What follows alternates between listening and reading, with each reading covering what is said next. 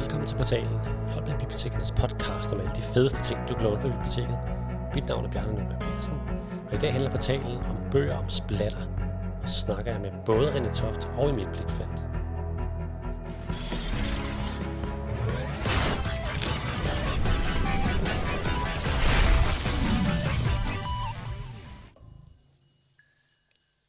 Splatter er en meget speciel genre, der gemmer sig et sted mellem humor og gys.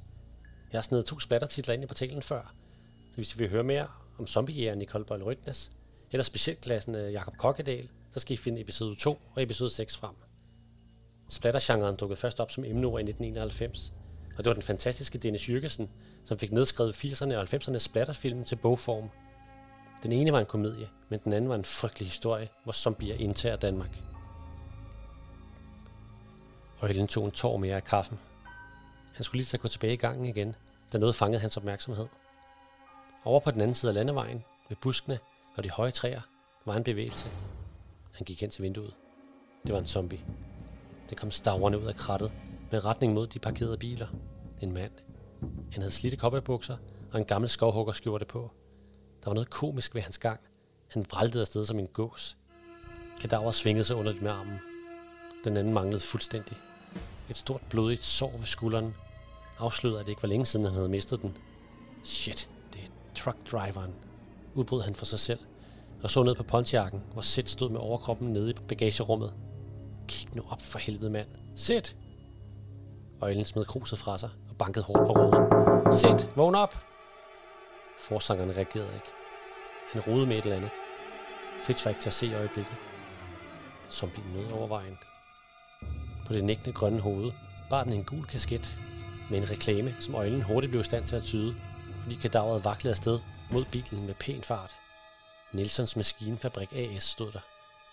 Øjlen drejede håndtaget i vinduet og forsøgte at åbne det, men det bandt stedigt. Han slog på rammen. Det virkede som om det var sømmet fast. Hen i det ene hjørne stod en lille skuffe dejum. Ovenpå tikkede en af disse gamle uger, som lignede en brødkasse og altid var med på møbelaktioner i tv. De var temmelig kostbare. Dengang penge var en værdimåler og Ellen for hen og greb det. Han trådte en meter tilbage og kyldede det mod ruden.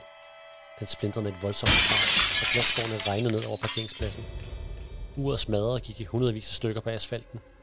Zombie attack, skreg han. Og Ellen kunne have sparet sig råbet. Det pludselig brag havde for længst gjort sæt opmærksom på faren. Han bakkede. Truckdriveren var nu mindre end 10 meter fra ham, og Sid havde lagt stokken fra sig i bagagerummet. Jeg vidste det, skreg Fritz, som kom løbende ud i det samme med favnen fuld af madvarer. Han slap dem på stedet.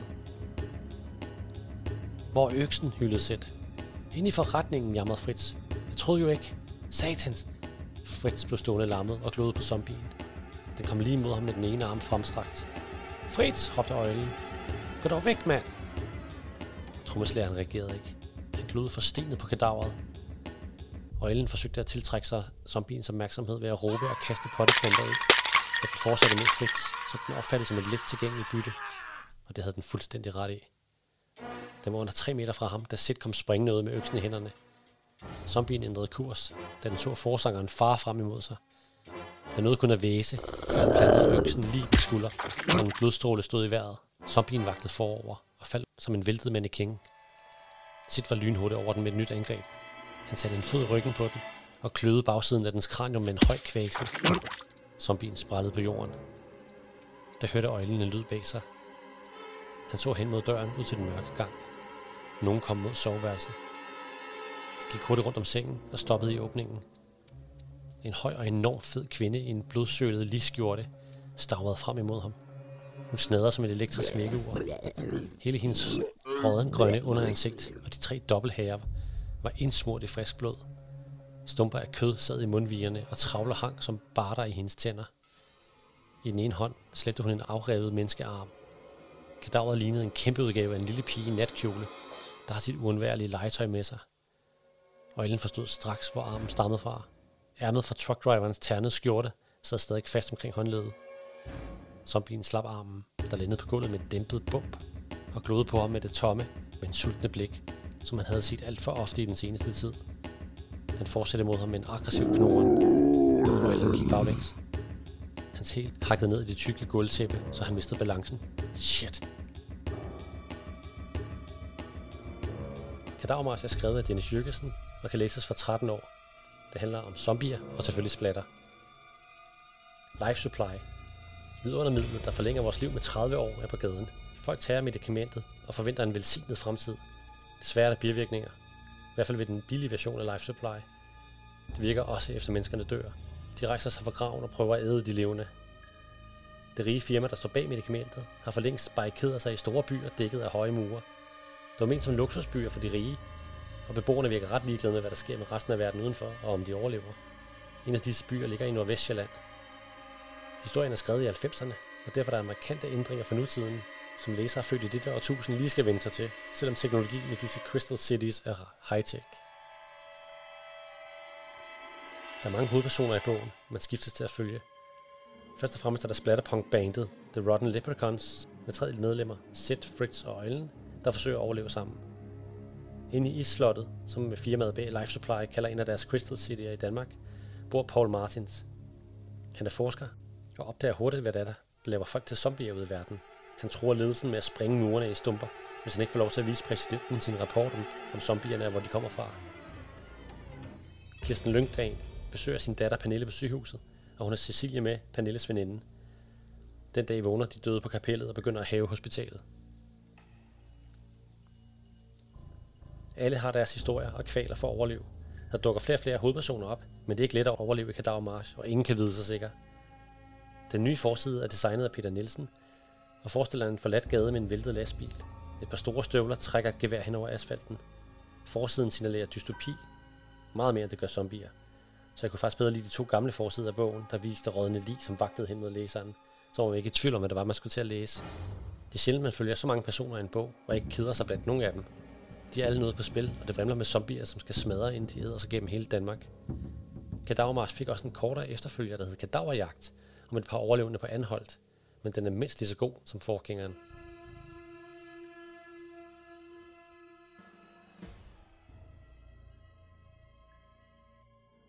Nu, øh, nu har I hørt øh, Kadavermars, som lidt var øh, den første splatter, der faktisk øh, blev skrevet af øh, en, en dansk forfatter, i hvert fald jeg kender til. Og øh, til at hjælpe mig med at snakke om splatter i dag, der har jeg besøg af hele to forfattere. Jeg plejer kun at have en med på talen, men øh, vi er gået ekstremt i dag. Og som noget helt nyt, så har vi også ringet op på Teams. Det kan I selvfølgelig ikke se, men øh, I stemmer, det kommer her. Min første gæst er, øh, er læser og skriver anmelder bøger selv. Han har sit eget forlag. Han øh, har allerede haft to bøger med. Han har haft øh, Gamer Die med i episode 3 og Desperado i episode 9. Det er simpelthen Emil Blikfeldt. Hej hej. Fedt, at være med. Tak for det. det er en fornøjelse. Og øh, så har jeg en bibliotekar på Køge Bibliotek, som også er forfatter, og som er lydbogsoplæser, hvilket han også øh, viser senere, når han skal læse op for sine bøger. Det er René Toft. Hej med jer. Det er spændende. Det håber jeg. Øh, nu skal vi snakke om splatter i dag. Og øh, splatter, det er jo sådan lidt en øh, speciel genre. Kan I ikke øh, beskrive, hvad der er, der gør en, en splatter speciel? Det der er helt vildt meget splat med, ud over det hele. Og splat, det kan være mange ting primært er splat, det er blod ud over det hele, men splat kan også være lidt anderledes former for splat, kan det ikke, René? Okay, jo. Det kan være mange ting. Øhm, jeg prøvede faktisk lige at læse op på, for at få en definition for, om, om jeg var helt forkert på den, men altså splatter, det er jo overdreven brug af, af hvad hedder det, blodige øh, effekter og masser af, hvad hedder det, indvolde ud over det hele, og sådan meget gory details. Øhm, men også øh, gerne med humor. Øh, men hvor at, jeg kan sige, filmgenren, der bruger man det i, i mange forskellige genrer. Altså en samurai-film kan faktisk også godt være splat, fordi de får lige hakket op, og så vælter det ud med indvold, eller eller hvad fanden det nu er. Øhm, men for mig, hvad hedder det, for mig vil splatter altid være associeret med, med de gamle klassikere, Bad Taste og Brain Dead og sådan noget, øh, i, i det sådan mere den humoristiske ende af, af gysergenren. Øhm, og, og det er jo også det, som jeg synes at, at er, er fedt at beskæftige sig med i bøgerne, at der er noget humor, der er noget, øh, og som, som Emil siger, masser af, af splats, og øh, hvad hedder det, og det kan også sagtens være, være for børn, tænker jeg. Men det kan også være, altså det behøver ikke at være blod, det kan være øh, slimsplat ud over det hele. Det, det er bare, altså bare det der med, sådan, man ved bare den her taktile fornemmelse af det her ting, der bare driver ned, når man gør noget. Det, det synes jeg er ret lækkert. Lækkert lige mm. Okay, det er ikke det bedste ord, men... Så nu starter det jo hele med, med Kadavermarsch. Øh, Jeg har slået op i vores syst- bibliotekssystem, og i 1991 var det den første bog, som fik ordet, eller emneordet splatter. Tæt fuldt af Brian og, og Benny med ketchup og senap, som, øh, som var Dennis Jørgensens bøger, begge to. Hvorfor tror I, der gik så lang tid, før der kom bøger om splatter? Altså, det, genremæssigt er det jo også øh, noget, der først dukkede op i 80'erne. Øh, så den, den skulle vel vende tilpas, og bøgerne vil... vel... Det, det ved jeg sgu ikke. Altså, det, er jo, det er jo typisk, når man, når man tænker på splat, så tænker man jo på film. Øh, så det der med at lave en, en decideret ny genre i bog, det er jo kommer vel først. Der skal lige gå nogle år, før man ligesom finder ud af, hvordan er det, vi griber det her, det der var super fedt i filmmediet, hvordan kan vi bruge det i bøger, tænker jeg. Ja, Øh, altså det kom jo rigtig meget i, i tegneserier også der i, i 80'erne, øh, så det tænker jeg, det er også et, et skridt hen til, til bogverdenen. Men, men altså her i bogverdenen, øh, nu hvor vi især laver bøger til, til børn og, og unge, så, så sidder der jo også nogle ledvogtere i forhold til at, at få givet de her bøger til, til børnene. Og det er de voksne. Øh, og der er en del voksne, der ikke helt forstår det her med, med blod og splat, hvorfor, hvorfor det er, er sjovt. Så derfor så skal du som, som forlag, så, så skal du også virkelig, du skal ture og gå i gang med det her. Så, så der har Tellerup været, været på, på forkant, da, da, de, da de ture øh, lad Dennis Jørgensen udgive øh, Kadavermarsch. Ja, jeg tænker også, den er nærmest skrevet til voksne. Øh, til næsten alle hovedpersonerne er voksne, og, og, og de ting, der sker i den, øh, er, noget, som måske ikke henvender sig til børn. Altså, jeg slugte dem alligevel, øh, og da jeg var ung, da jeg læste den, ikke? og så jeg tænkte, det er lige mig, det her. øh, Og der, men der var mange andre, jeg kender, der læste bøger, som ikke ville røre den med en ild, ildrager, fordi at, øh, den var så klam. Altså det er meget sjovt, du siger det der med, at det var til voksne, fordi at hovedpersonerne var voksne. Det der med, at, at, at hovedpersoner i, i børnebøger, de skal være børn, det er jo en relativt, ikke ny ting, men, men i gamle dage, dengang i 80'erne og sådan noget, der, der måtte man jo godt have børnebøger, hvor, hvor voksne kunne være, være, være hovedpersoner. Altså, ja, okay, det var måske især tegneserier, ikke? Altså Lucky Luke, han var, han røg rundt og, og altså røg cig- cigaretter og ting og sager, ikke? Men alligevel, det var helt sikkert for børn, ikke? Men kunne også Mm. læses af voksne. Så, så her i nyere tid, så, så, så skal en børnebog næsten være med børn som hovedpersoner. Men det, det ændrer sig måske også lidt. Der er nogle børn, der hellere vil have, at hovedpersonerne er voksne. Fordi alle de film, de ser, der er jo ikke nogen film, som børn ser, hvor børnene også er hovedpersoner. Eller der er lidt, men det er, ikke, det er aldrig nogen af de helt store film. I hvert fald ikke, hvis det er splat. Nej. Hvilken definition fik grønne øjne? Nu bliver jeg bare lidt nysgerrig, fordi nu snakker vi Dennis Jørgensen, og, og for mig, der kan jeg bare, altså et af de mest, man kan, en af de ting, der har gjort allermest indtryk på mig som, som, som barn, det var, da jeg læste Grønne Øjne, og kommer beskrivelsen omkring Harold Myers, den her øh, zombie-ting, der er steget op fra graven. Og så, så står der i, i teksten, at hans øjne bevægede sig. Men det var ikke øjenæbler, derimod var det madikker, der vred sig rundt i hinanden. Og jeg var helt blæst væk af det her billede. Jeg synes, det var et forfærdeligt skræmmende og helt fantastisk billede. Og det, jeg tænker, at i den bog i hvert fald, og den har jo været i 80'erne, har den ikke? Øh, Jo, altså, jo. Den, den, den kunne i hvert fald også nogle ting, som, øh, som er helt sikkert hen af, af splatgenren, men øh, jeg synes bare, der, der er nogle, virkelig nogle smukke, smukke nuancer i den.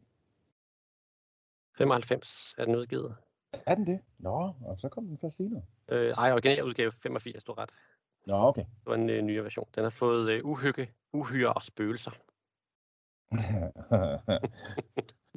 Putting it lightly.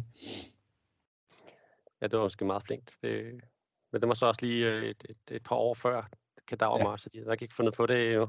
Men, øh, men hele det der koncept med, med splatter for børn, det, der har du faktisk øh, snydt, René, og, øh, og, og, og, udskiftet øh, blod og indvold med slim.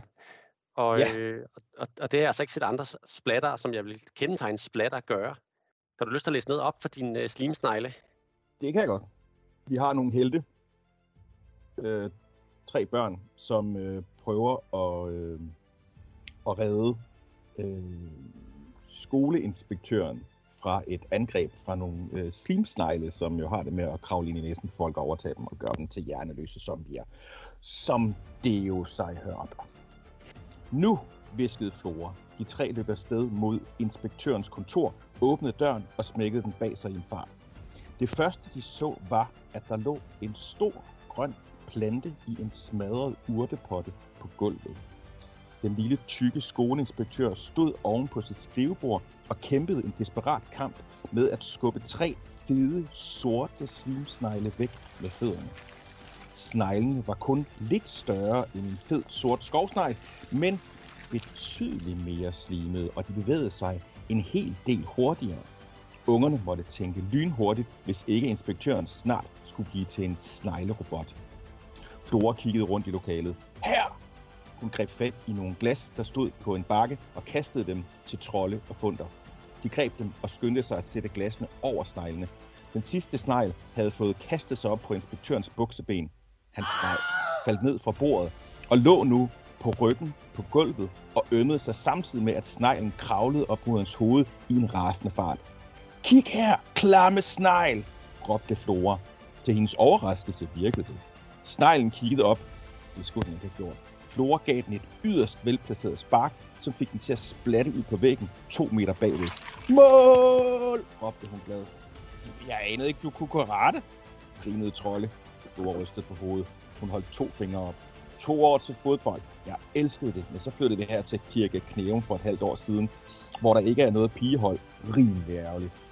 Inspektøren var kommet op og stå igen. Han rystede som et esperløv, men takkede børnene for hjælpen.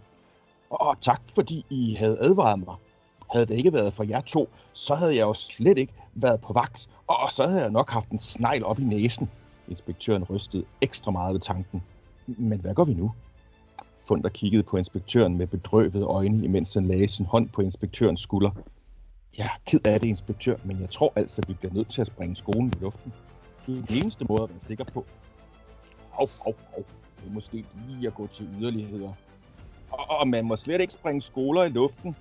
Det står i loven, det siger min far selv, sagde Flora bestemt. Huha, det var da dejligt, sagde inspektøren lettet. Nå, men det var da et forsøg værd, sagde troldet ærgerligt. Hvad gør vi så?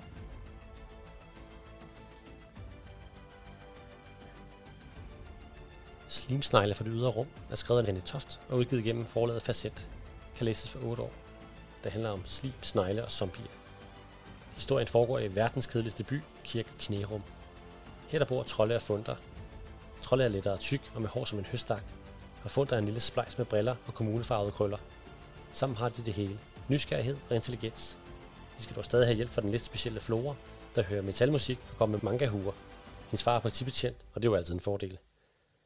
En dag, mens de laver katastrofebingo i deres trætopshus, slår en meteor ned i Jens Hansens mark. De undersøger sagen, men får ikke lov til at komme tæt på af Floras far. På afstand med sølvpapirs hatte holder de øje med meteoren, der langsomt forvandler folk til en slags ulækre zombier. Pludselig dukker en lysende kugle op. Den besætter trolde og fortæller, at den kommer fra det intergalaktiske politi og har brug for hjælp. De må stoppe slimsnegle, inden de overtager hele jorden, og helst uden folk bliver slået ihjel. Forsiden er designet af Aske Schmidt Rose og viser Flora, Trolde og Fund stå parat til kamp med supersukkers og vandballoner. I toppen ser man en politizombie, der holder en blomst over en slimet tekst med en kampvogn og en tankbil. Forsiden signalerer sjov og spænding. De fleste bøger om zombier er mere uhyggelige, end de er sjove, men i Slimsnegle er det humor og groft sprog, der fører handlingen frem. Bogen har en typisk 80'er splatter slutning, der varsler om en fortsættelse.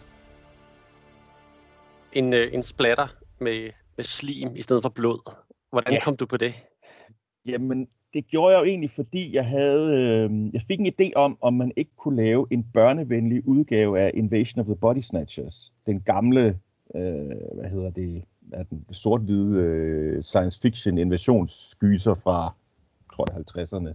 Mm. Øh, og som også er igen filmatiseret i 70'erne og 90'erne og så videre. Men hvad hedder det? øhm, den idé med, at, at der kommer et eller andet udefra fra rummet, og så overtager øh, menneskene en efter en. I, I de film, der, der dør menneskene, og så kommer der så en, en, en tro kopi af dem, og det synes jeg måske var lige voldsomt i en, i en børnebog, der skulle have sådan lidt humoristisk islet. Øh, så jeg tænkte, hvad nu hvis det er en meteor med sådan nogle klamme snegle, og så kravler de op i næsen på de voksne. Altså fordi i de film, så er det jo altid de voksne, det går ud over, og man glemmer ligesom, at der er nogle børn. Så hvad, hvad sker der med dem? Hvorfor er det så ikke uh, lige så godt dem, der kan redde dagen? Fordi at sneglene har så travlt med at, at koncentrere sig om alle de voksne. Øhm, så, øh, og så er snegle jo bare vildt klamme og ulækre og slimede. Og så hvis man bare sådan skruer 200% op for det, så er der jo masser af slim og klamme sager, man kan.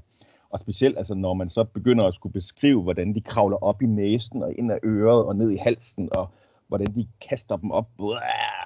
Det, der er masser af gode, gode skrivemuligheder lige der. Jeg fik helt en, øh, en, en gammel tanke til den film, der hedder The Faculty, da jeg så den. Øh. Uh ja, den er også, det er rigtigt, det er rigtigt, den er også god. Jeg tænker, at, det var, at, du havde haft nogle af tankerne derovre, men, øh, men bare skrevet den lidt mere venligt. Jamen, jeg har faktisk ikke, øh, den har jeg helt glemt. Men det er fuldstændig rigtigt, det er helt rigtigt. Den er jo sikkert lagt i, i baghovedet. Det er også en glimrende film. det var også meget imponeret over den. Det, øh, de banner enormt meget i din, i din uh, snegl, slim, slimsnegl på rum. Øh, at det, at er det med vilje, eller at, det, er det bare noget, du sådan skriver, når du, når du sådan tænker, sådan snakker de? Jamen, ved du hvad, det er, det er ikke noget specielt ved slimsnegle. Det, jeg, jeg tror, det er sådan lidt en tilbagevendende ting i mit forfatterskab. Jeg, jeg får det altid at vide.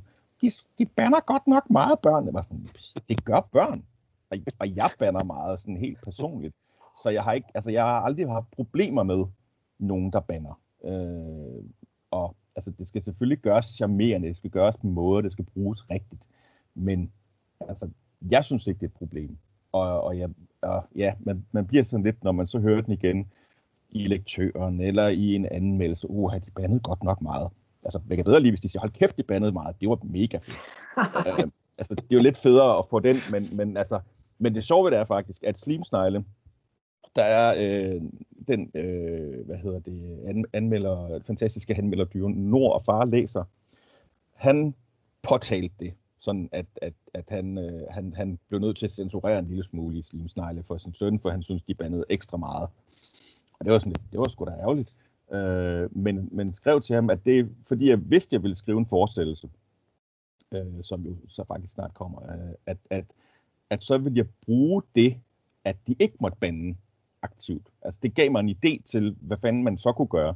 Fordi øh, så, så, så har de gjort noget, noget, de skulle gøre igen, og derfor får de en straf. I, i bogen her, Slimsnegle, starter med, at de har fået konfiskeret deres telefoner, fordi de sprunget en pølsevogn i stykker. Øhm, og, og her, der har de så lavet noget andet noget, som jeg ikke skal afsløre, men gør, at de igen har mistet deres telefoner, og derudover har så fået at vide, at hvis de banner, fordi de starter med at sige, for helvede, det er kraftedeme for dårligt, jeg vil have min telefon igen. Så det, ved du hvad, hvis det der fortsætter, så hver gang I banner, så kommer der en dag mere på, I mangler jeres telefon. Så det er rimelig hardcore, hvilket gør, at vi kan begynde at lege med sproget på andre måder. Altså opfinde nye bandeord, som ikke er bandeord, og den slags. Så Skal Anders ind i den? Ja, fuldstændig. Altså, det er støvsuger er nu det nye. Støvsuger? Ja, det, det er læs, læs bogen, når den kommer, så forstår du. Men det er, det er super interessant, når man er ude og holde, ude og holde foredrag, og se, hvordan alle ungerne de reagerer på alt det her banneri, og hvordan lærerne de, de reagerer på det. Det er virkelig godt at starte nogle diskussioner omkring. Det, altså, jeg har nogle booktalk-klasser, hvor de har bødekasser, og, og jeg kan fandme heller ikke lade være med at bande, når jeg skal præsentere en bog, hvor de bander i, fordi det, det, det ligger naturligt at, at gå ind i den genre, som jeg er ved at præsentere. Og der er så nogle gange, hvor de bare griner, og andre gange, hvor de kigger chokeret på læreren og siger, må han sige det? Jeg kan bare se det i øjnene på dem. Så jeg elsker at have de der lidt, lidt grovere og gruppe historier med, så øh, og, og læse op. Især efter jeg lige har haft en pige på først, der har sådan været rigtig tøset og lyserød. ja. Men kan I ikke uh, beskrive begge to, hvordan I egentlig startede med at skrive bøger? Fordi nu er I begge to inde i, i splattergenren, så, uh, så jeg er lidt interesseret i, hvor, jeg, hvor jeres idéer kom fra. Så jeg har altid, altid fortalt historier. Da man var lille, så kaldte man det at lege. Øh, men det, man i virkeligheden gør, når man leger, det er, at man, at man fortæller historier, enten alene eller sammen med andre. Da jeg blev lidt større, så begyndte jeg at spille rigtig, rigtig meget rollespil. Og det er jo sådan set også bare igen, at du fortæller historier sammen med andre. Så, så det, der, der blev nok plantet for mig, det der med at, at lave historier med andre, som noget af det er rigtig, rigtig sjovt. Mm. Altså jeg startede, øh, tror jeg startede med, med at skrive øh, også til rollespil faktisk. Øh, der kom sådan et dansk rollespil, der hed Fusion, som var sådan et øh, dystert fremtids... Øh, og jeg tænkte, åh fedt mand, kunne man skrive nogle vilde krimier med nogle guns og noget, og bare gå amok. Øh, så det skrev, der skrev jeg mange år, fordi jeg egentlig ikke... Jeg tror, jeg turde ikke skrive en bog. Jeg synes, det var alt for stor en, øh, en mundfuld, og sådan ligesom... Så skulle man jo skrive sådan en roman, som var sådan flere hundrede sider, og jeg kunne slet ikke overskue det. Øh, indtil at øh, jeg selv fik børn, og min datter, hun en dag spurgte mig, hvor kommer skurkene fra? Og jeg er sådan lidt ud af det blå, så kom jeg til at sige, de kommer der fra Skurkistan. Og så blev der bare plantet sådan en, uh, plantet sådan en, en, en, en idé om, at, at der er sgu da en historie her. Hvad, hvad er Skurkistan for en størrelse? Hvordan er ledes? Og så begyndte jeg sådan, og så tog det mig 3-4 år for skrevet bogen. Det, det tager altid enormt lang tid med den første, eller det gjorde det i hvert fald for mig. Og så har jeg sådan set bare øh, skrevet slag i slag siden. Øh, og det er ikke fordi, at, at, at, at jeg personligt kalder mig splatterforfatter eller noget som helst. Altså, jeg, jeg skriver det, jeg synes, der er sjovt.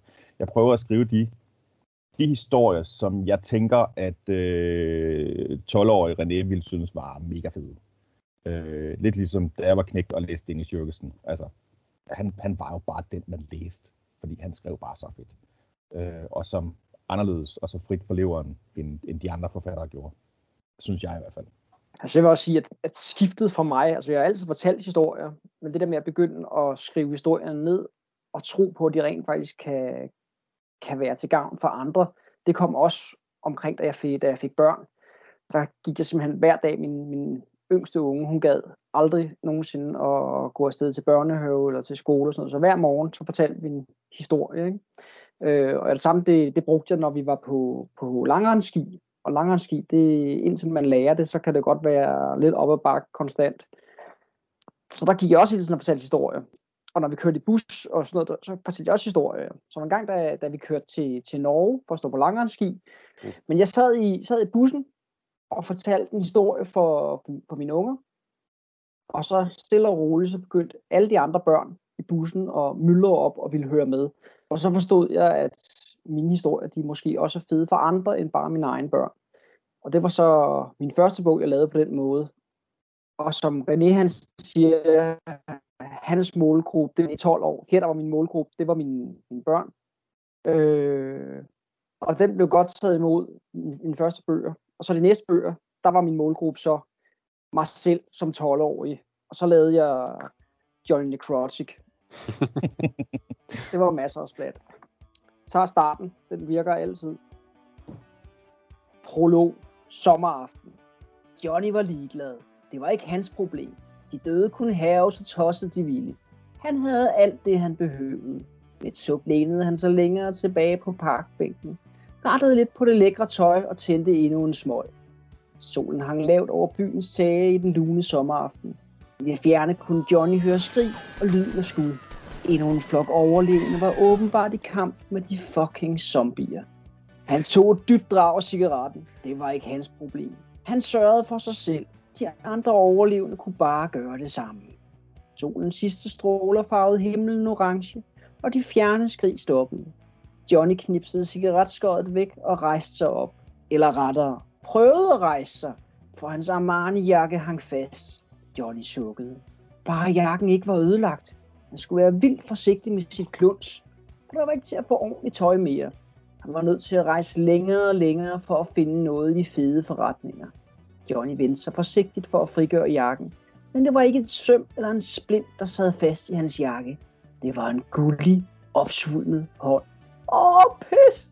Ikke igen, råbte Johnny. Han råbte endnu højere, da zombiens anden hånd landede tungt i hans ansigt. Knogler brækkede og tænder blev slået løs. Men endnu værre. Jakken blev revet i slaget, larmede Johnny. Han vidste, at han burde løbe, men det gjorde alt for ondt. Zombien tøvede ikke. Den rallede bare, greb fat i hans arm. Det levende liv var uhyggeligt stærkt. Lort, lort, lort, tænkte Johnny. Så begyndte zombien at spise, mens Johnny skreg af smerte. Zombiepesten er første bog i Johnny Necrotic, skrevet af Emil Blikfeldt, udgivet gennem forlaget Kalibat og kan læses for 12 år. Det handler om zombier og splatter. Den foregår i vores verden under en zombie-apokalypse. Johnny Necrotic er noget af et dumt svin. Han klarer sig ret godt i en verden overrendt af zombier. for han er immun over for smitte, og han er blevet et op til flere gange. Hver gang regenererer han dog og skal skaffe sig noget nyt tøj, for Johnny går meget op i, hvordan han ser ud og hvor fint tøj han skal have på. Mens han leder efter nyt tøj i supermarkedet, møder han drengen Danny, som er ret god til at dræbe zombier. De indgår et samarbejde. Johnny hjælper Danny med at finde sin forsvundne familie, og Danny lover at hjælpe Johnny med at lære at slå zombier ihjel. På vejen møder de den voldelige kvinde Fenris, som tager dem med mod byen Nega City, som skulle være sikker for zombier. Bøgerne om Johnny Necrotic er illustreret af legenden Peter Snejbjerg, som jeg talte med i episode 5. Forsiden viser Fenris på en motorcykel, der pløjer zombier ned, mens Johnny sidder bagpå med en motorsav og hakker arme og ben af flere levende døde. En af zombierne er en lille pige med en dukke. Hendes øje plopper ud, da hun bliver ramt af motorcyklen. Forsiden viser flot og tegneserieagtigt, hvad man går ind til, hvis man åbner bogen. Inde i bogen er der flere sort-hvide og stemningsmættede illustrationer. Historien er klam, og det går stærkt, og dialogen er ret morsom. Den er langt mere humoristisk end uhyggelig. Der er kommet tre bøger i serien om Johnny Necrotic. Zombiepesten, Blodbad og Showdown. Der er jo masser af grimme ord. Oh, så er vi godt i gang. og det er nemlig rigtig sjovt, når jeg står foran sådan et sted mellem 30 og 100 unge og læser det her op, og se de forskellige ansigtsudtryk. Nogle bare sådan, åh, det er fedt. Andre sådan, som, som de siger der, kigger op på læreren, ikke? og må han godt sige det. Og så begynder vi at snakke om, hvorfor bandeord. Hvad kan bandeord, hvad kan bandeord ikke? Hvornår er det okay at bande? Hvornår er det ikke okay at bande? Så kommer alle lidt til ord, og så snakker vi om det, ikke? Øh, men basically så har jeg det sådan, at du må godt bande. Men hvis du banner for meget, så udvander du det at bande. Hvis du siger fuck i hver anden sætning, så er det jo fucking lige meget, ikke? Så virker det ikke længere. Fordi det at bande, det er, det er et kraftudtryk, du kan bruge til at forstærke ting. Og hvis du bruger det hele tiden, så holder det op med at, at forstærke ting. Så sådan bruger jeg det. Så nu ved jeg, at Slimsnegle får en, en fortsættelse, som René snakkede om, der hedder Slimsvin. Hvad med Johnny Necrotic? Der er kommet tre bøger, og i slutningen af den sidste skriver du rent faktisk, det kan jo være, at der kommer en fortsættelse.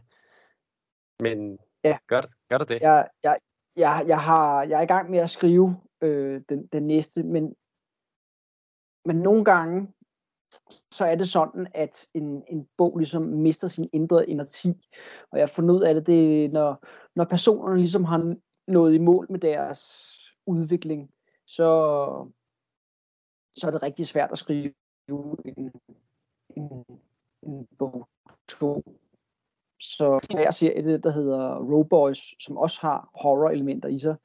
Og ved bind 5, der kunne jeg simpelthen se, at okay, nu er personen kommet i mål, så stoppede jeg den der, og så rebooter jeg serien. Og det er jeg i gang med at lave og skrive rebootet nu, hvor der kommer tre nye bind med tre nye hovedpersoner, men med masser af berøring af de gamle hovedpersoner. Så hvis jeg skulle tage fat i Johnny Necrotic igen, så skulle det også være en reboot med en anden vinkel.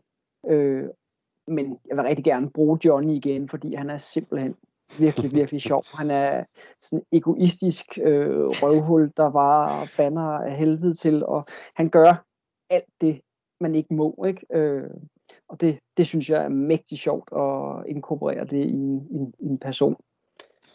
Og du har allerede fortsat serien i, i den anden sag, der hedder Afterworld på en måde, fordi det er samme verden, den foregår i.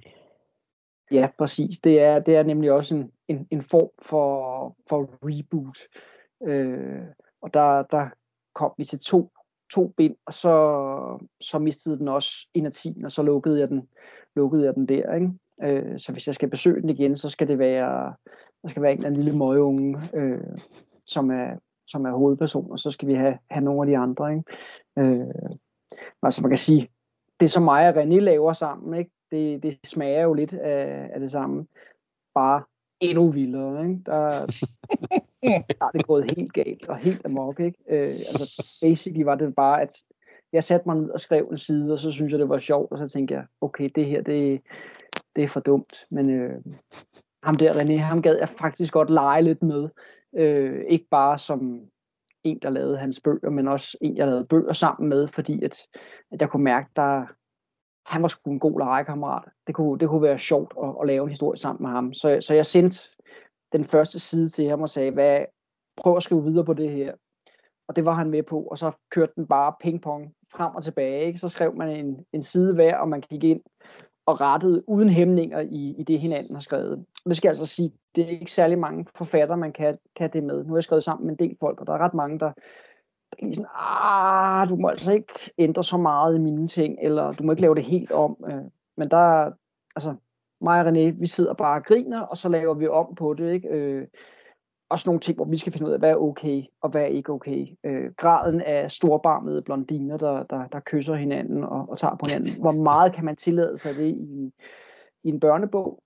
Og hvor meget af det er okay? Hvornår bliver det, hvornår bliver det for dumt på den forkerte måde? Ikke?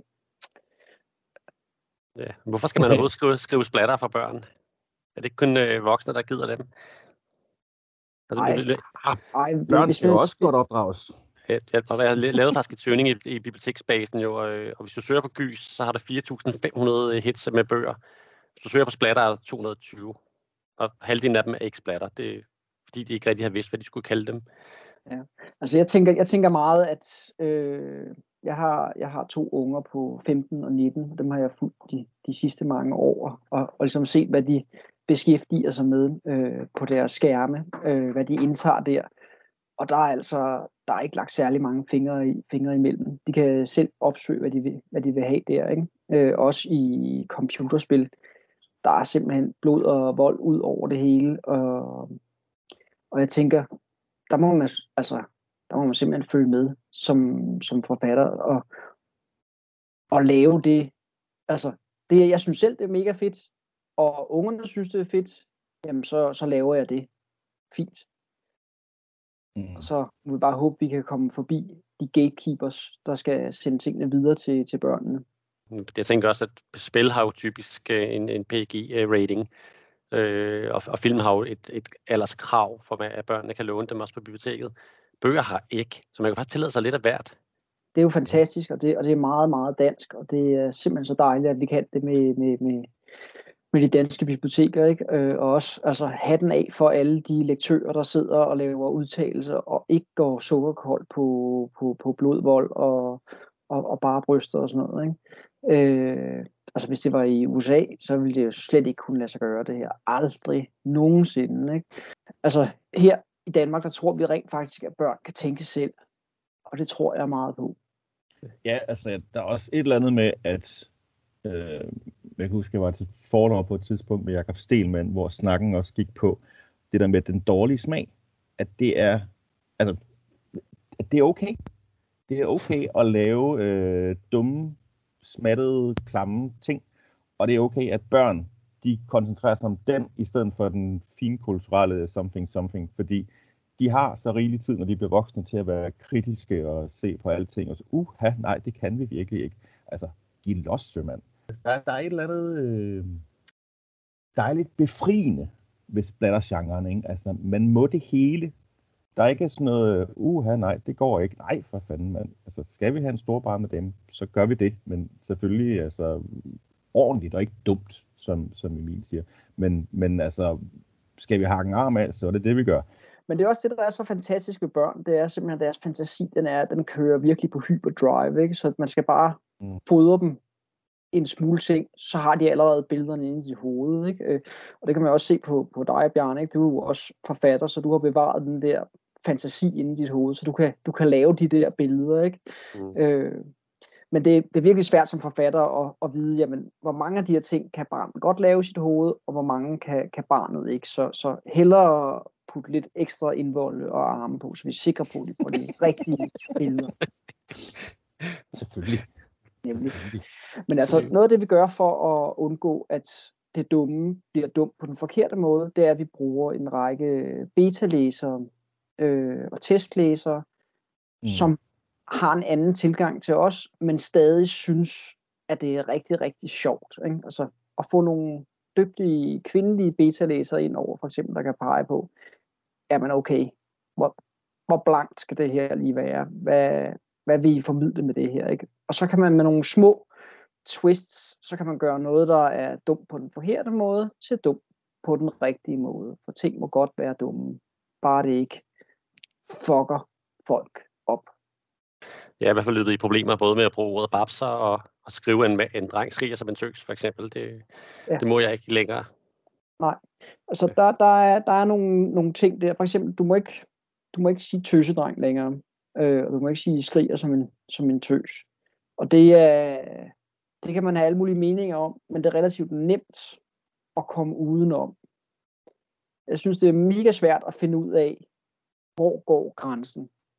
Så der, der gør jeg bare det, at jeg skriver, hvad der passer mig, og så sørger jeg for, at det går igennem en rigtig mange mennesker, før det kommer ud. Ikke fordi, at jeg er bange for at træde folk over tæerne, men simpelthen fordi, jeg ikke har lyst til at være et røvhul. Altså, mm. så simpelt er det. Ja, det kan dine hovedpersoner være i stedet for. Jamen, præcis. Og det er også en vigtig pointe, ikke? Altså, en, en skurk må godt bruge ord, som er forkerte. En skurk må godt bruge ordet tøsedreng, i min bog i hvert fald, mm. mens du som forfatter, der skriver, ikke må bruge ordet, altså i en, i en metatekst eller sådan noget, ikke? Øh, eller ja, helt, men altså bedst, bedst er det ikke at, at bruge det, fordi altså fordi vi er i en, i en, i en tid, hvor vi skal finde ud, finde ud af de her ting. Jeg tror om, om 10 år eller sådan noget, der er det, der er det meget mindre, der, der bliver folk trådt mindre over tagerne, tagerne af det. Ikke? Men ja, nu må vi se. Det var også min teori. ja. jeg har nævnt sådan 10 år. Så er der sikkert andre ting. Nu står de døde op for deres grave. Helvede er fyldt. De er levende døde. Du ser en kirkegård, hvor døde pingviner graver sig op af isen. Front af en ældre pingvin med en taske. Ribbenene stikker ud af det hul i maven. Tænderne er rådne. Se gamle fru Hansen. Gamle fru Hansen døde for en uge siden. Nu er hun en zombie. Gamle fru Hansen bider Billy. Billedet kan du se fru Hansen få fat i Billy og bide ham i hovedet, så blodet sprøjter ud over det hele. Se Billy stavre. Se Billy rødne. Se Billy hungre. En her af pingviner er på vej mod skolen. Billy er forrest. Nu er han også zombie med et kæmpe hul i hovedet, hvor der siver hjernemasser af blod ud fra. På skolens dør løber Johnny ind i fuld fart i skræk for zombierne. Johnny og de andre unger gemmer sig på skolen. Dum idé. Nu er de omringet. Der lyder et brag for døren. Vinduer smadrer. Zombiepingviner prøver at kravle ind alle steder. Johnny ser man i forgrunden rystende skræk. Billy smiler rødt er skrevet af Senior Johnson og udgivet gennem forladet Kalibat. Kan læses for 9 år og har et liks på 14. Det handler om mobning, pingviner og drilleri.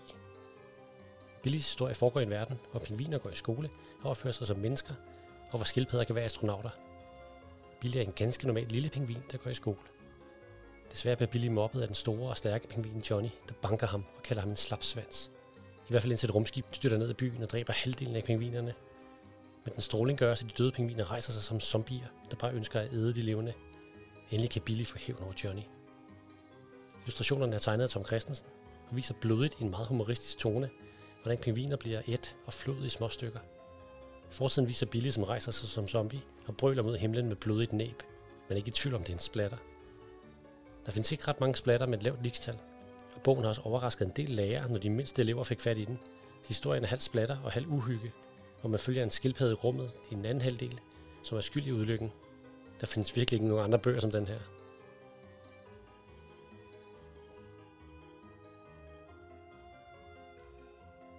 Det var de, dit forlag, Emil. Ja, det var, det var en af de, af, de, af de første, eller en af de tidlige bøger, ikke? Øh, og det var senior der, der havde skrevet den der, og det, det er nærmest en blanding af, af, af digt og, og letlæs, ikke? Det, og jeg var flad af grin over det, ikke? Og, og viste det til, til Tom Christensen, eller også for det senior, jeg kan ikke huske det, og sagde, ja, det her, det er simpelthen bare så sjovt, ikke? Altså sådan en, Johnny, der er en bølle, der tæver den anden pingvin, ikke? Altså, pingviner, de er bare så søde, ikke? Og så... Og Billy græder. Billy er en slapsvans.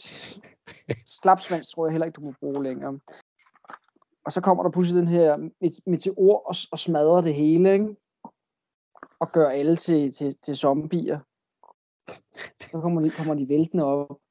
Og Billy han bliver også bidt det blod ud over det hele, ikke? Og så går Billy han går i gang med at, at, at hævne sig. Simpelthen kæft, det er sjovt. Det er, du, du har læst den der let læste tekst der. Der har ikke været mere end en, en fire side nærmest, og du har bare tænkt, nej, nej. det her det er fantastisk.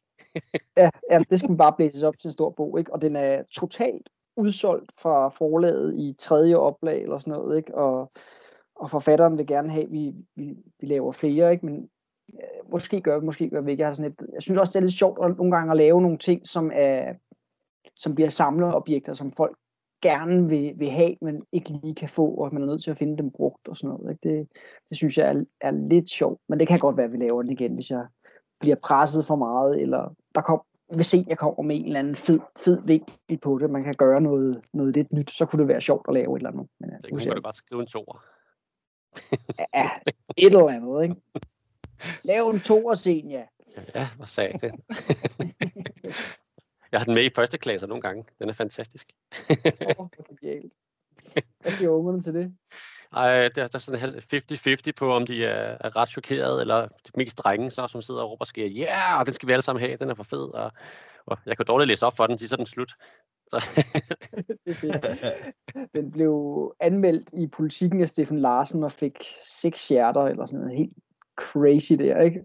Og det gjorde så, at, at, at ganske normale mennesker også begyndte at købe den. Ikke? Og så jeg fik simpelthen et, et, et ægte brev med, med bogen vedlagt øh, fra en ældre dame. En helt sides klage over, hvad, hvad, hvad, det, hvad den her bog var for noget grotesk, voldeligt svineri. Ikke? Og hun ville gerne have sine penge retur. Ja, det fik hun selvfølgelig uden at blinke. Ikke? Men altså, jeg, jeg ville ønske, at jeg havde gemt det brev, for jeg synes simpelthen, det var, det var smukt. Altså. Har du kun fået en enkelt klage? Ej, kun, kun per fysisk brev, der har jeg kun fået en enkelt klage. Ellers så, så er det andet per, per, per mail. Dem kan man jo bare skynde sig og, og, og slet og lade være med at svare på. Ved mindre det, det, er, det er nogen, der gerne vil have en dialog, så kan vi godt tage en, tage en dialog. Men hvis folk bare vil rante, så gider jeg ikke snakke med. har du fået nogle klager, René, over din, øh, dit grimme sprog? Øh, jamen altså, ja, men nej, jeg har ikke fået en, en personlig klage. Øh, det var altså, jeg kunne være lidt stolt, hvis jeg havde fået sådan et brev der. Men, men, altså, men, men, men det er jo ikke, som jeg også har sagt, det er jo ikke første gang, jeg har hørt en påtale på, på, på sproget. Øh, og, og altså, det, er lidt, det er lidt sjovt, jeg ved ikke, altså banner forfattere ikke i deres bøger, eller hvad? Fordi så, så skrev jeg, jeg er lige udkommet med, med Solstorm, Mm. øh, mm. som er sådan en ungdomsbog om en, en, øh, en gut, der er med alene i Vildmarken, og så pludselig så går alt strøm, og han er lidt ude i det hele. Og der hører man bare fra hans side, og han banner også, altså, fordi der har jeg skrevet, som jeg egentlig forestiller mig unge mennesker, de snakker, øh, som en plejesøn han gjorde. Øh, og hvad hedder det? Øh, og det blev også påtalt i en anmeldelse. Ikke, altså, og det var ikke negativt, det var sådan mere, hold da kæft, der bliver, der bliver bandet, og der, det er fedt, og det er et levende sprog, og det, altså, men, men det blev påtalt, og bare sådan, det, jeg, jeg har ikke tænkt over det. Altså, de bruger det bare som, som man gør. Øh, og, og det er lidt tilbagevendende ting, så jeg ved ikke helt, der må, der må være et eller andet. Der må sidde nogle folk derude og krummer til, hver gang jeg kommer med en ny bog. Oh, nej. Jamen det, jeg kan helt, helt sikkert mærke, at der er en skole, der er en skole blandt forældre, hvor, hvor det at bande, det er meget forkert. Det, jeg har svært ved at forstå det, men, men jeg må bare acceptere, at, at sådan er verden bare. Ikke? Øh, og så må de læse nogle andre bøger end mine, fordi der og Renés, fordi der er heldigvis masser af andre bøger uden bandeord. Jeg kender også ja. forfattere, der, der, der simpelthen ikke vil have bandeord med i deres bøger, fordi de lurer dem ud fuldstændig. Det er fair nok. Ja, jeg læser jo satans mange bøger, og, og øh, der, der er ret tit, hvor, hvor der er nogle bøger, der er så sukkersøde, så vi så støder på et enkelt bandeord i dem, og jeg tænker, hold det op, altså, altså, kan det faktisk også overraske og chokere lidt, selvom der kun er et enkelt med. Ja. Øh, så det, det er en, en sjov effekt. Det, jeg foretrækker nu, at, at de banner, fordi det gør de unge altså også, når jeg snakker med dem. Så. Ja. en anden øh, bog, som du også har på dit forlag, øh, Emil, øh, ja. er Udød.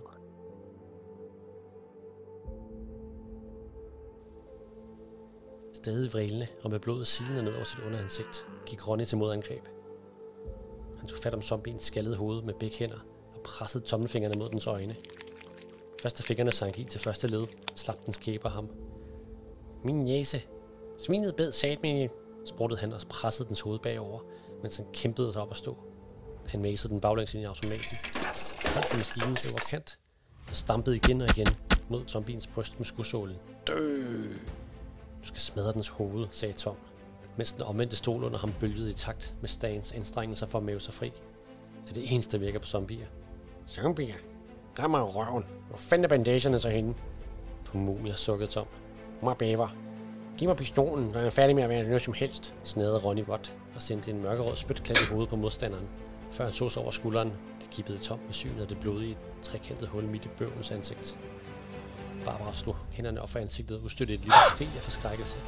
Snøvlede han, så de røde bobler stod ud af hullet. Er det nemt? Øh, det, det er sådan relativt, trak Tom på det. Ronny tog den ene hånd op til ansigtet, så udstødte han selv et lille skrig. Min næse mangler spasser. Hvordan helvede er det relativt? Et øjeblik stor opmærksomhed. Men nok til, at zombien kunne møve sig fri af automaten, og i blikket kunne sig fast i brystet på Ronny. Bøven vrælede igen og hamrede alt kraft sin foldede skinkenæver ned over nakken på den. Med en lunds undertrøjen, og muligvis også hans brystvorte med tænderne, røg i gulvet. Hvor han pludselig med et primalt skridt begyndte at stampe på den sol. For pokker, Ronny, dem der nu før. Der kommer flere. På en gang afbrød og fuldendte Barbara Toms sætning. Toms sætning. Mellem bordene kantede en middelalderne asiatisk kvindes fulde gule gummihandsker og et blodigt forklæde sig hastigt frem imod dem. Bag fulgte en velkendt mandeskikkelse i vagtuniform. Åh oh, nej, gispede Barbara. Det er Ben. Shit, Tom så på Barbara. Kan du holde stagen her? Hun nikkede, selvom øjnene lyste af både frygt og tvivl. Godt, nu. Han sprang af, og hun tog skyndsomt over, mens stagen som en anden rodeo-hængst forsøgte at ryste hende af sadlen. I farten greb Tom en ny stol og vædrede køkkenarbejderen mellem stolebenene. Allerede inden det lille kvindeskikkelse ramte gulvet, svingede Tom møblet videre mod Ben. Det ramte med et klonk zombiens ansigt og sendte den et skridt baglæns. Ronny, vi har gæster! Ronny så fra kokkens skældede hoved, som var endt i en unaturlig vinkel og form. Zombiens ene fod gibbede en smule, men resten af den lå endelig stille. I stedet for at ile Toms hjælp, blev bøven dog stående som lamslået. Ronny gentog Tom mellem stolen og sig selv, og Ben som han steppede rundt om for at undgå køkkendamens ivrige hænder. En vin for Barbara fik ham til at sætte sig over skulderen. Stan havde fået den ene arm fri og havde fat i hendes venstre skillebid. Toms blik flakkede febrilsk mellem hende og Ronny. Fuck det, jeg skulle blive bit nok i dag, støttede den store bøv hovedrystende og tog et par skridt baglæns mod glaspartiet for enden af rummet. Det han gjorde omkring mod det, trådte Kurt med et blankt udtryk ind i døråbningen. Under holdlederens hage flakkede huden i blodet i strimler. Åh oh, nej, boss, så angreb zombien. Udød er skrevet af Ruben Greis og udgivet gennem forlaget Kalibat og kan læses for 13 år. Det handler om zombier og selvfølgelig splatter. Historien foregår lidt nordøst for Las Vegas, hvor Virgin Valley High School ligger. Her går Tom i skole. Tom er spinkel og et naturligt mobbeoffer, som pigerne bare griner af. Heldigvis vælger den store og stærke Jack at tage sig af ham, og nu bruger de al deres fritid på at smadre zombier i Jacks kælder – Toms mor og stefar har givet ham et sommerferiejob som rengøringsassistent på et lamt hjerneforskningslaboratorium, hvor han kan prøve at tjene penge til at købe sin egen konsol. En dag går det dog helt galt på jobbet. Den onde Dr. West har testet et serum, der kan få folk til at adlyde ham, og det forvandler alle til zombier. Der går ikke lang tid før stedet overrendt af frødende zombier, som overfalder og bider alle, de kommer i nærheden af. Toms evner til at smadre zombier i computerspil er pludselig det eneste, der holder ham i live, da han sammen med Barbara, den storbarmede Niesa af en af videnskabsmændene, forsøger at overleve og stoppe Dr. Wests sindssyge planer. Men lidt held kan det være, at Tom kan score hende og overleve samtidig. Til at hjælpe dem er den lettere vrede og forstyrrede rengøringsassistent Pakita, som virkelig forstår at svinge en økse.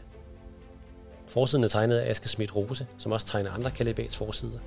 Den viser Tom stående med en stegepande, Barbara med et grydelåg og en kagerulle, og Pakita med sin økse. De forsøger at forsvare sig mod en horde af zombier. I baggrunden i mørket ser man Dr. West med en kanyle le rundt af dem, men ikke et tvivl om, det er en splatterkomedie. Splatterhumor fylder bogen, der heller ikke er bange for at udfordre kønsroller og stereotyper. Den er grov, ulækker og fantastisk underholdende. Zombierne er ikke bare hurtige og skræmmende stærke, de bliver også kontrolleret og kan sættes til utallige opgaver, hvilket gør Toms opgave virkelig vanskelig. Den, den, den væltede lidt kejler, da jeg læste den, tænker fordi at øh, han havde virkelig, virkelig øh, forstået genren til, til et 13-tal, og, øh, ja. og, og, og har inde i alle elementer af, af splatter-genren som film, og faktisk virkelig, virkelig lavet en god bog ud af den også. Øh, Ja, præcis. Den er, den er meget, meget fin i den bog, og virkelig, virkelig god underholdning. Ikke? Og det, det startede med, at vi snakkede sammen på, på Fantasy Festivalen i Esbjerg, hvor, hvor han havde læst min Johnny Crotic og syntes, det var fedt, og han snakkede om, at han havde, et, han havde sådan et spil, han lavede, han var som pædagog med, med de her børn, som sådan et zombiespil, hvor de skulle løbe rundt og, og, og nakke zombierne havde sådan nogle kort og sådan noget. Ikke? Jeg synes, Åh, kan, kan, du ikke lave, kan vi ikke lave det spil, og så, så skriver du en lille historie til, ikke? Så vi vil faktisk have lavet sådan en bog, en lille bog med, med et lille spil til. Øh, og så voksede bogen bare og blev større og større og større, fordi han er, han er virkelig, virkelig into alt det her splat, ikke? Og, og det var, ja, den blev bare sjovere og sjovere og sjovere, ikke? Altså jeg synes, det, det er nærmest som at, at se en splatterfilm øh, og læse den bog. Jeg tænker, det var, det var den, øh, den værste splatter, jeg havde læst indtil videre. Øh, den bliver så snart overgået, kan jeg afsløre her sådan senere i, øh, i, på, i portalen. Men øh, altså, bare forsiden, øh, hvor han ikke er bleg for at have nedringet øh, øh kvinder på, og monster og splattervold, og hvor vigtig er forsider og illustrationer for, øh, for splatters-genren. Altså, det, nu snød du lidt med Johnny Necrotic og bruger en af de mest legendariske tegneserier for øh, tegnere, øh, Peter Sneiberg, som jeg også har snakket med i en tidligere program. Så hvor, hvor ja. vigtigt er det? Det er helt crazy, sindssygt vigtigt at lave en forside, der bare sparker bunden ud på alt, og du som læser tænker, okay, det der, det, det bliver jeg bare nødt til at se på. Ikke? Øh, så det skal være sådan, at de tager, du tager bogen, fordi forsiden ser fed ud, så vender du den om, så læser du den smule på bagsiden, og tænker du, okay, det der, det er crazy, og så åbner man første side, og så skal man i løbet af de første 10 sider der, skal man bare være hugt på den bog der, ikke? Og det, det gælder for alle bøger, men, men især øh, de her splatter ting, som, som altså, både drenge og piger kan læse, og det gør de med stor glæde, men der er rigtig mange drenge, der kan være svære at fange. Øh, jeg havde også et mega kort attention span, da jeg var knæk.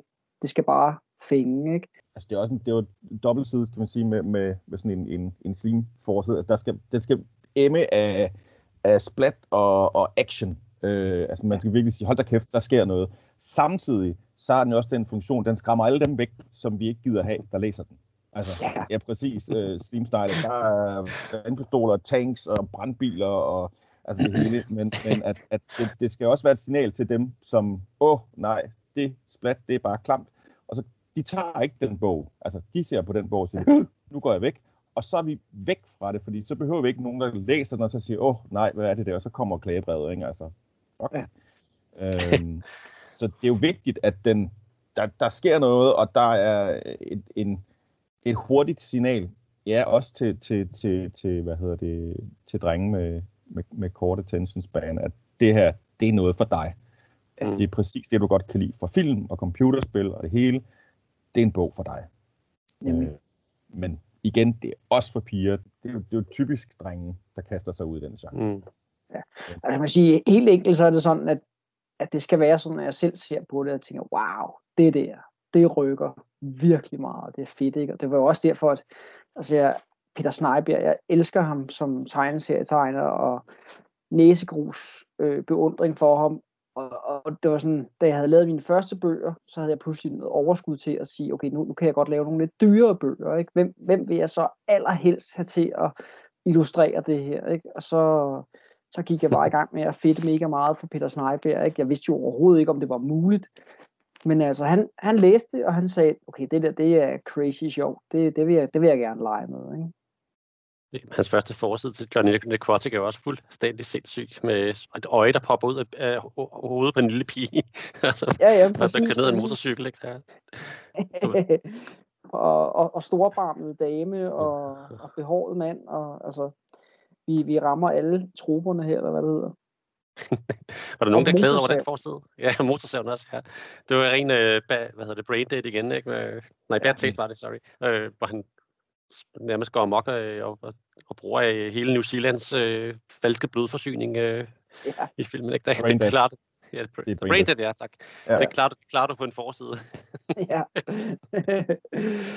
øh, sjovt nok har jeg faktisk ikke fået særlig mange mailhenvendelser med, med klager over det, men, men altså når jeg er ude og, og snakker, og jeg bliver sat den op på, på stor skærm foran elever og lærere, ikke, så, så kan jeg godt se, at der er nogle, der er nogle lærere der, der, der ønskede, at de lige havde sat sig lidt mere ind i, hvad, hvad det var, de havde inviteret inden for døren. Ikke?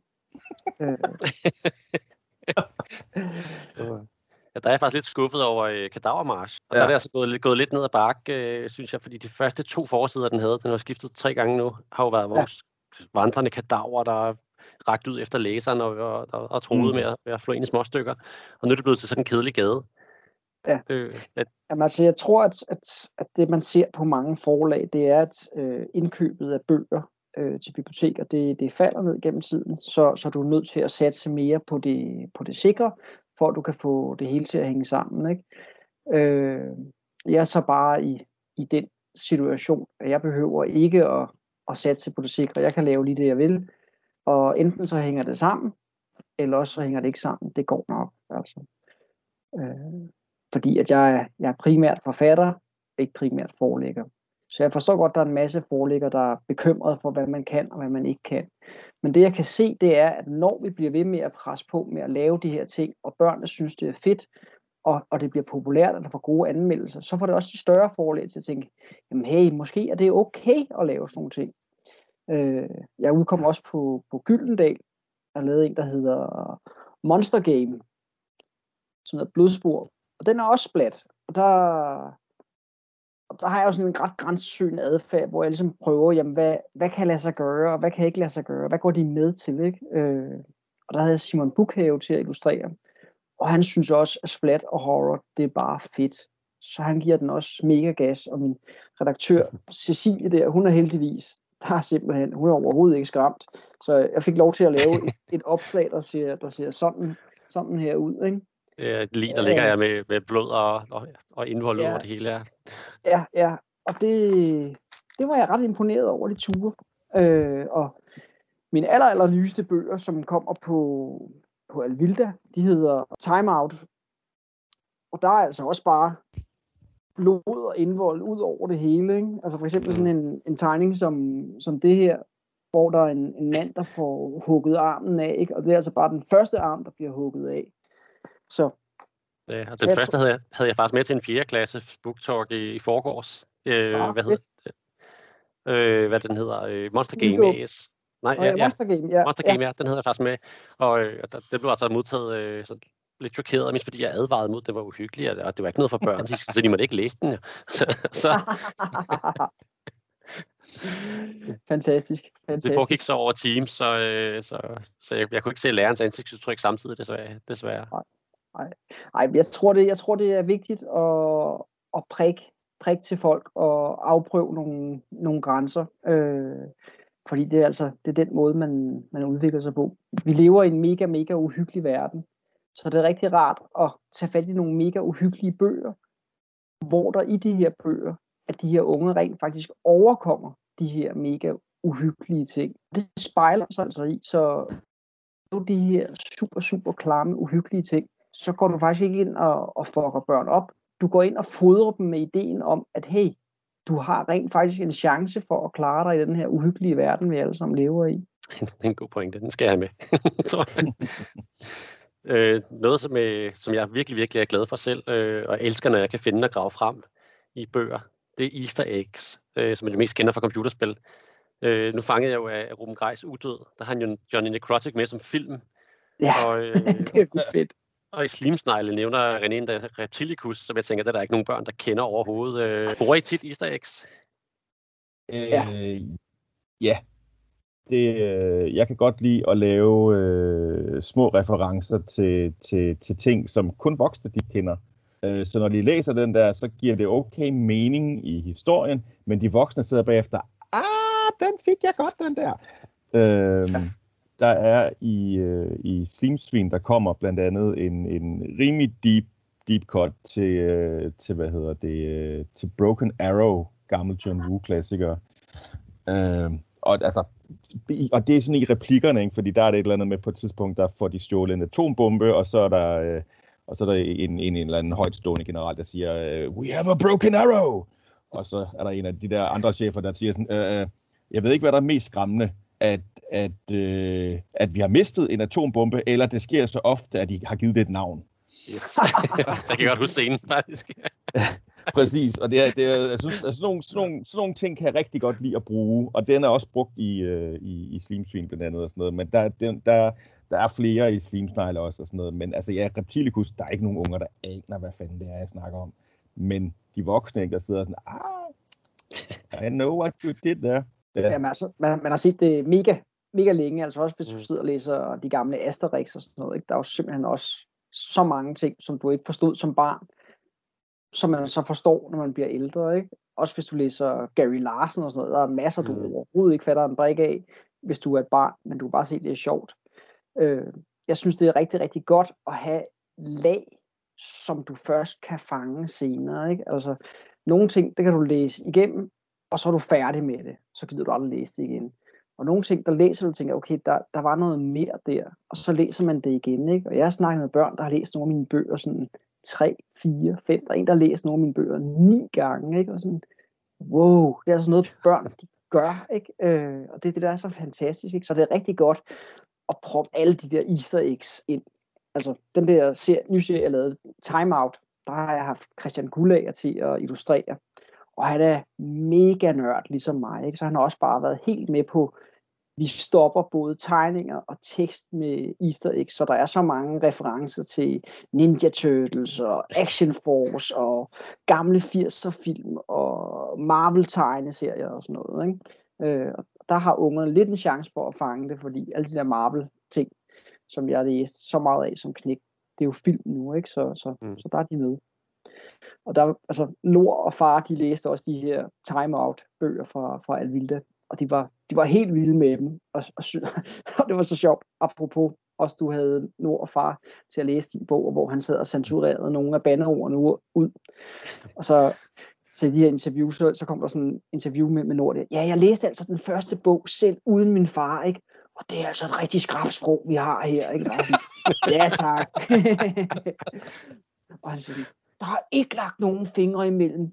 Ikke lagt nogen fingre imellem. Ja, tak.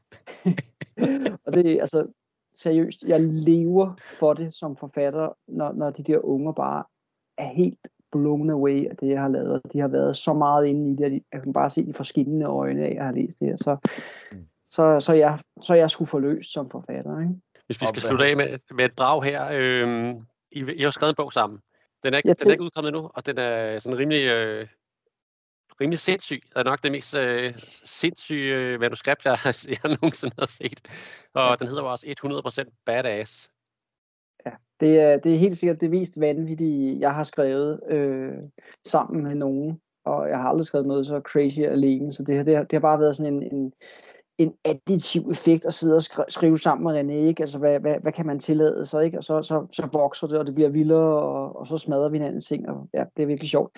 Jeg vil gerne bare lige læse starten højt, og så måske vil René læse op fra lidt længere inden, hvor der kommer noget spært. Jeg ved ikke, om, om du har fundet noget, René, til at læse højt, men... Uh... Altså, jeg, jeg vil sige, den, den, den vildeste er jo... Øh er, er stadigvæk helikopterscenen, men, men den er også lidt spoileragtig. Jeg ved ikke, om det er okay. Om vi bare ja, det er okay. Os. Det er okay. Bare giv los. Nå nej, det var ikke mig, der skulle svare det Undskyld. det er alt, der tilladt. okay. Badass. 100% badass. Kapitel 1. Lortelatte. John kunne efterhånden tegne kaffemønstre i mælkeskummet, uden at se, hvad han lavede. Han kunne faktisk skumme 10 mokkeblomster hurtigere frem, end han kunne samle en AK-47 med bind for øjnene. Og det ser ikke så lidt. Så i stedet for at se på sjasket, stirrede han mod den blå himmel i den københavnske park og spekulerede på, om det måtte var normalt at se stjerneskud om dagen. Måske er det en meteor, viskede John på sig selv. Kunden knipsede ud på hans ansigt. Hey spasser, står du og tegner en pik i min kaffe, eller hvad? Knipset i sig selv havde været nok, men ordene gav kun John en svar mulighed. Det fortalte hans krybdyrhjerne ham i hvert fald. Hvordan vil du gerne dø, bror lort? knurrede John Doe. Kaffekoppen blev kvæst mellem hans fingre, og den ikke helt perfekt tegnede blomst i skummet forsvandt i en skylle af kaffelatte. Kundens mund stod frosset midt i sangen af brok, i det han forstod, at Johns ord ikke rummede den mindste snært af ironi. Forsiden af kundens bukser blev mørke. I køen bag ham stod en chokeret far med et barn i hånden, der begyndte at tude. Barnet forstod, at hans venlige lille verden om lidt ville blive forvandlet til blod og vold. Det er starten. Så springer man frem til helikopterscenen. Øh, jeg læser lidt af den her. Kapitel 12. Motorsavsmassakren. Lægen blottede tænder badet i sort slim og sprang lynhurtigt på 99. Måske var det den blodige uniform, der kaldte på hans zombieinstinkter. Eller nok snarere 99's blankpolerede isse, der lokkede med løfte om lækker hjerne. 99 reagerede så hurtigt, som hans navn vidnede om. Han var trods alt 99% badass. På et splitsekund havde han fået tændt motorsaven, samtidig med at han nikkede lægen en skalle nedenfra. Tænder blev hamret ind i 99 skallede isse, inden lægen røg en meter tilbage af slaget. 99 svingede motorsaven i en stor kugle foran sig. Ikke svinge vildt med motorsaven ind i helikopteren, skreg Lestar. Jamen, det er min stil! Svingede Adder en gang sin motorsav og havde nær skåret øret af Connie, der kastede sig på gulvet, mens lægen gjorde sig klar til et nyt angreb. Så må du fandme lave din stil om. Små bevægelser. For helvede. Så må jeg bare gøre det nedefra. Med et brøl pakkede 99 motorsaven op i skridtet på ham og løftede lægen fra gulvet, der i spasmodiske breakdance blev savet i to dele. Så kan han lære det, grinede 99 og blinkede til den blodoversprøjtede dreng. Harry stirrede med store øjne på massakren og pegede på 99.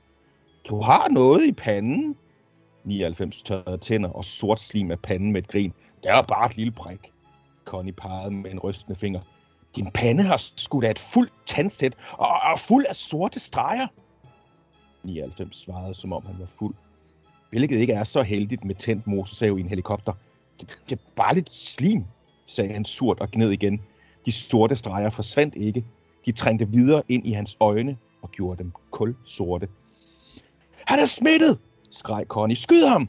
Yes, ma'am, sagde Curdy og rev sin riffel frem.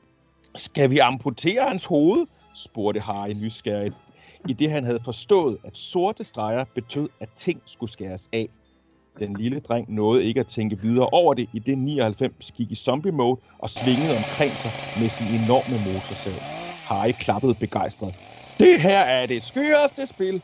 John, du havde ret. De andre spillere gør virkelig mærkelige ting. Jeg tror, vi stopper der, uden at prøve for meget. Det er kun starten af den. Det er meget, men det, der er lidt, er lidt sjovt her, det er, at den der lille dreng, der står og tisser i bukserne i starten, ikke? han bliver jo en del af, af det her crazy, crazy shit. Og det sjove ved ham, det er, altså han starter, han starter med at være i chok. Og hans måde at håndtere det på, det er, at han tror, at alt, hvad der foregår, det er et spil. Det er det jo ikke. Det er jo virkelighed, ikke? Altså, folk bliver til zombier, og folk bliver revet i småstykker og skudt i småstykker. Men det gør, at, at vi pludselig kan have sådan en, en lille dreng, der ikke bare er en, en lille hysterisk møgeunge, der er irriterende. Vi kan have en, der er absurd hysterisk, irriterende og opfører sig på en fuldstændig grotesk måde, men alligevel giver det mening på en eller anden måde, håber jeg. Hvad, er der noget, man ikke tør gøre i en splatter, men jeg er næsten nødt til at spørge, fordi at der, der tror jeg ikke, der er noget, I ikke gør i den her bog. Vi bruger ikke ordet tøsdreng. det er rigtigt. Så ud af det, er der noget, man ikke må? Altså noget, noget, vi kæmpede rigtig meget med, det er i alle traditionelle spatter, der har vi den, den, den dumme blondine. Ikke?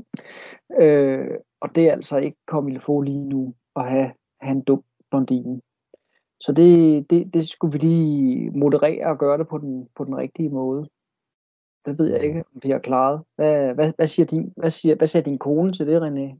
Hun er, hun er lige næsten ved at være færdig, og hun har rynket på næsten et par gange. Øh, ja. Og det, de bliver rettet til. Men det, det er faktisk... Øh, altså, vi havde jo en, en, en, super sej kvindelig beta-læser, Astrid, som, som virkelig øh, satte...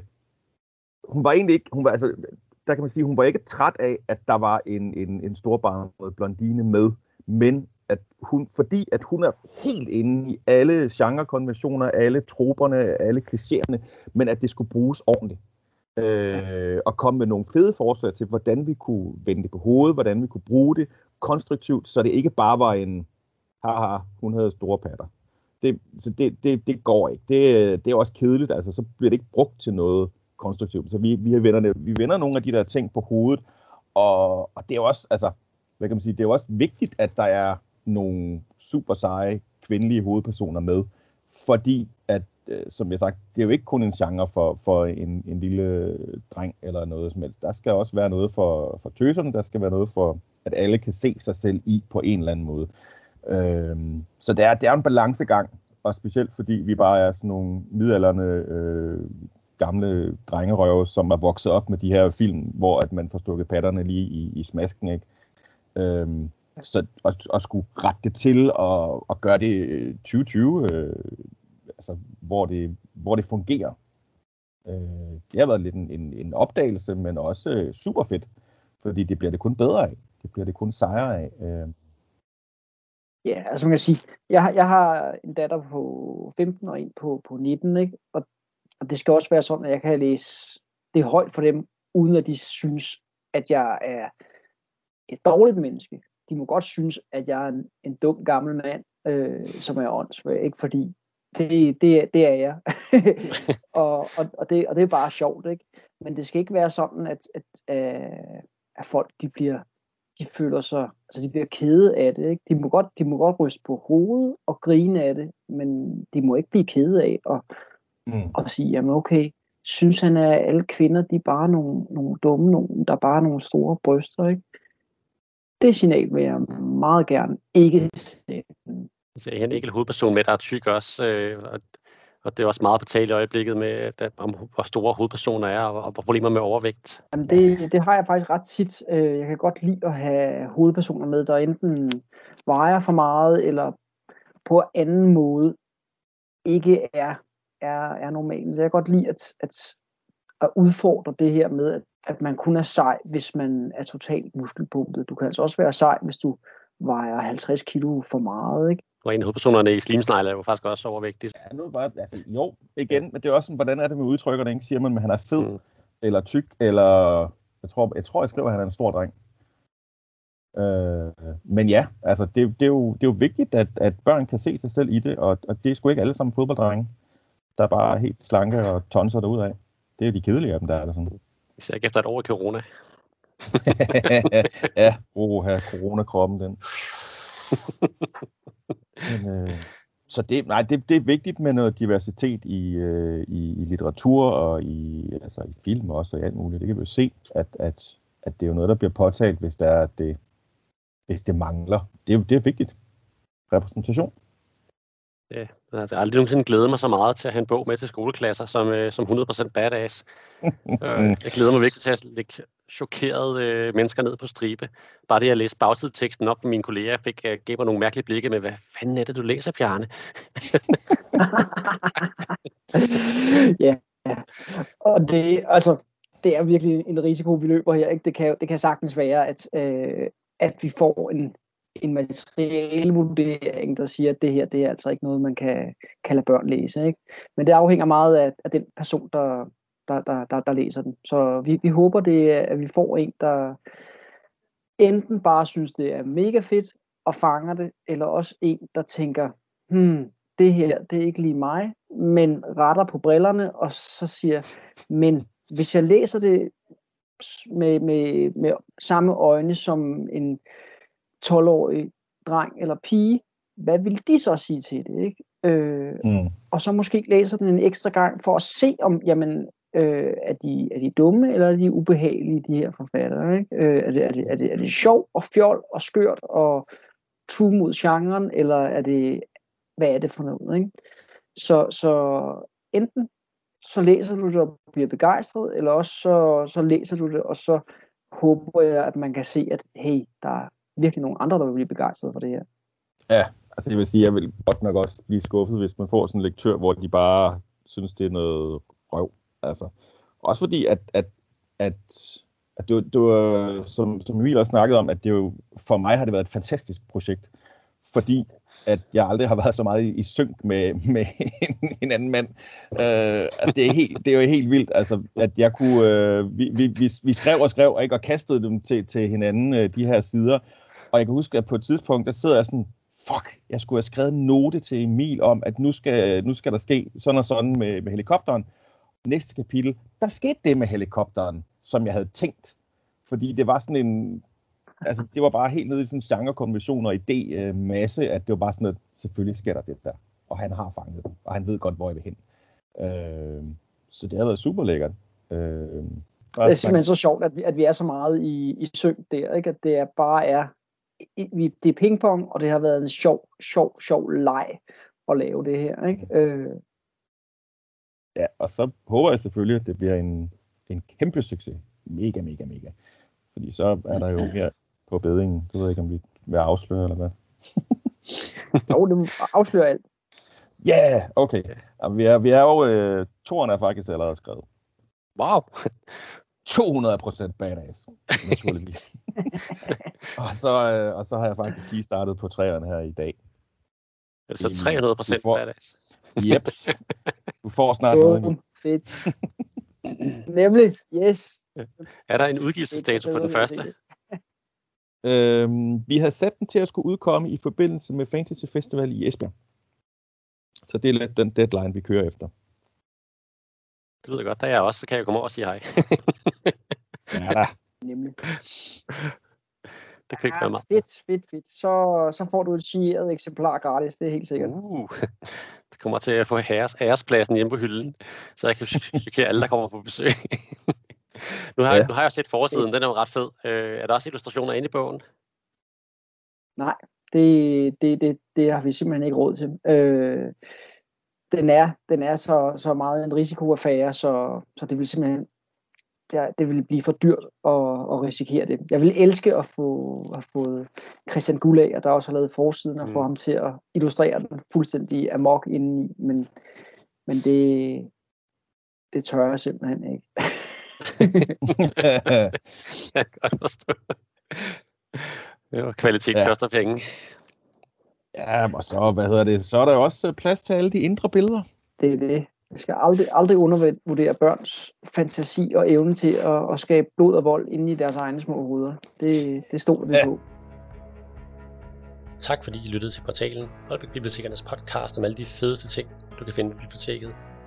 Din vært var Bjarne Nordberg Petersen, og jeg håber, du vil lytte igen til næste udsendelse. Tak for i dag.